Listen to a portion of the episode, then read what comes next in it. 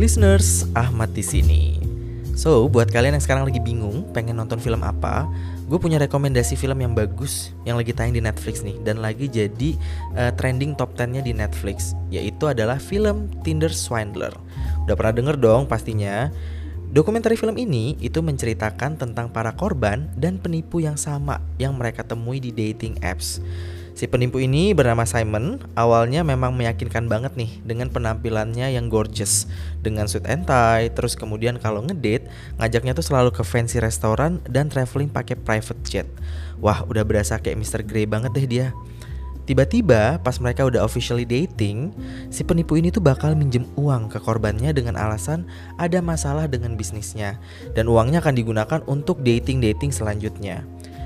Dokumenter film ini tuh seru banget karena di dalamnya juga ada detik-detik waktu si penipu ini akhirnya ditangkap dan gimana para korbannya berusaha buat ngejebak si penipunya.